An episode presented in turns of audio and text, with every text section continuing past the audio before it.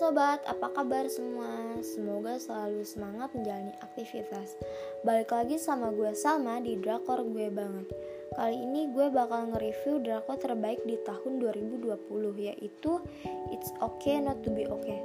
Ada gak sih dari kalian yang nunggu aktor Kim So Hyun buat main drama lagi?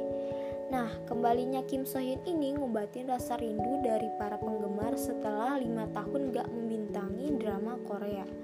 Sekarang penampilan Kim So Hyun di drama Korea It's Okay Not To Be Okay ini bikin para penggemar heboh loh. Setelah drama Korea terakhirnya yang berjudul My Love From The Start yang tayang pada tahun 2015. Dalam drama It's Okay Not To Be Okay, Kim So Hyun beradu akting sama Seo Ji, aktris berbakat yang memerani berbagai genre drama sebelumnya. Drama garapan sutradara Park Shin-woo ini punya rating tinggi di setiap episodenya yang ditayangkan. Kolaborasi antara Kim So Hyun sama Seo Ji dalam satu drama menghebohkan media tiap minggunya, termasuk media sosial Twitter. Tagar It's Okay Not To Be Okay sering banget ngeramein media sosial Twitter di setiap episodenya. Nah, gue bakal ceritain sinopsis singkatnya dari drakor It's Okay Not To Be Okay. Drama Korea ini nyeritain kisah sosok Moon Gang Tae atau Kim So Hyun dan perempuan penulis cerita anak-anak yang punya kepribadian antisosial. Namanya Ko Moon Young atau So Ye Ji. Moon Gang Tae ini seorang perawat yang kerja di bangsa kejiwaan dan bertugas mencatat perkembangan pasien dan sigap menghadapi situasi krisis yang dialami pasien. Sehari-harinya Menggangte ini kerja keras dalam pekerjaannya.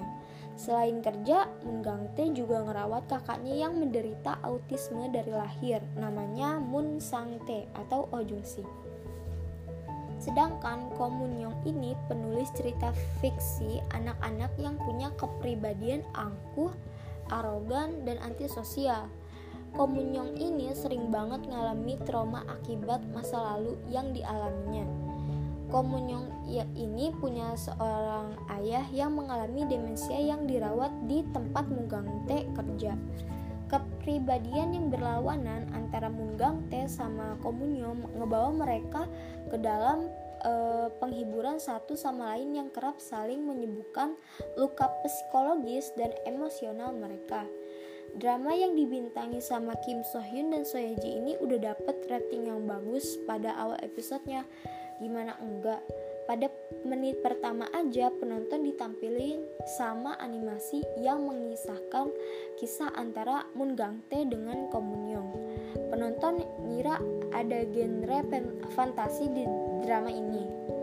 Ilustrasi animasi yang unik ngebuat mereka uh, eh ngebuat penonton takjub dan semakin penasaran dengan kisah mereka. Wah itu bener-bener seru banget sih. Alurnya jelas dan bikin penasaran di setiap episodenya. Gak bakal nyesel kalau nonton drakor ini. Nah tadi itu gue udah nyeritain sedikit sin sinopsisnya uh, drakor ini. Sekarang gue mau nge-review yang gue dapet dari drakor ini yaitu dalam drama It's Okay Not To Be Okay, penonton diajak uh, untuk ngerasain simpati terhadap peran Kim So Hyun yang yatim piatu dari kecil dan mengharuskan nger ngerawat kakaknya seorang diri. Selain itu, peran Ko Moon Young dalam drama ini sanggup dibawakan oleh Soyeji sama aktingnya yang bagus banget. Begitu juga sama pemain lainnya.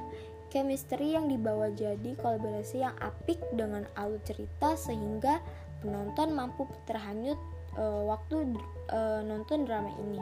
Kegilaan dan tingkah laku Komunyong dalam drama ini juga jadi daya tarik penonton. Fashion dan tampilan yang digunakannya juga mengundang decak kagum para penonton karena terkesan artistik dan mewah banget. Cerita Moon Sangte yang punya sindrom autisme dikemas dengan sangat baik ya. E, kesehatan mental yang diceritain dalam ini eh dalam drama ini memberikan pelajaran gimana caranya berkomunikasi sama penderita sindrom autisme. Selain itu, teknik butterfly hug yang diajarin Moon Gang Tae ke Komunyong merupakan teknik psikologis untuk mengontrol emosi dengan adanya adegan itu teknik butterfly hug semakin banyak dikenal Oke sobat, drakornya menarik banget ya buat ditonton. Drakor ini gak cuma tentang kisah cinta, tetapi sekalian kita belajar tentang teknik psikologis dan mental seseorang. Akhir kata, gue sama pamit dan terima kasih. Sampai jumpa di episode lainnya.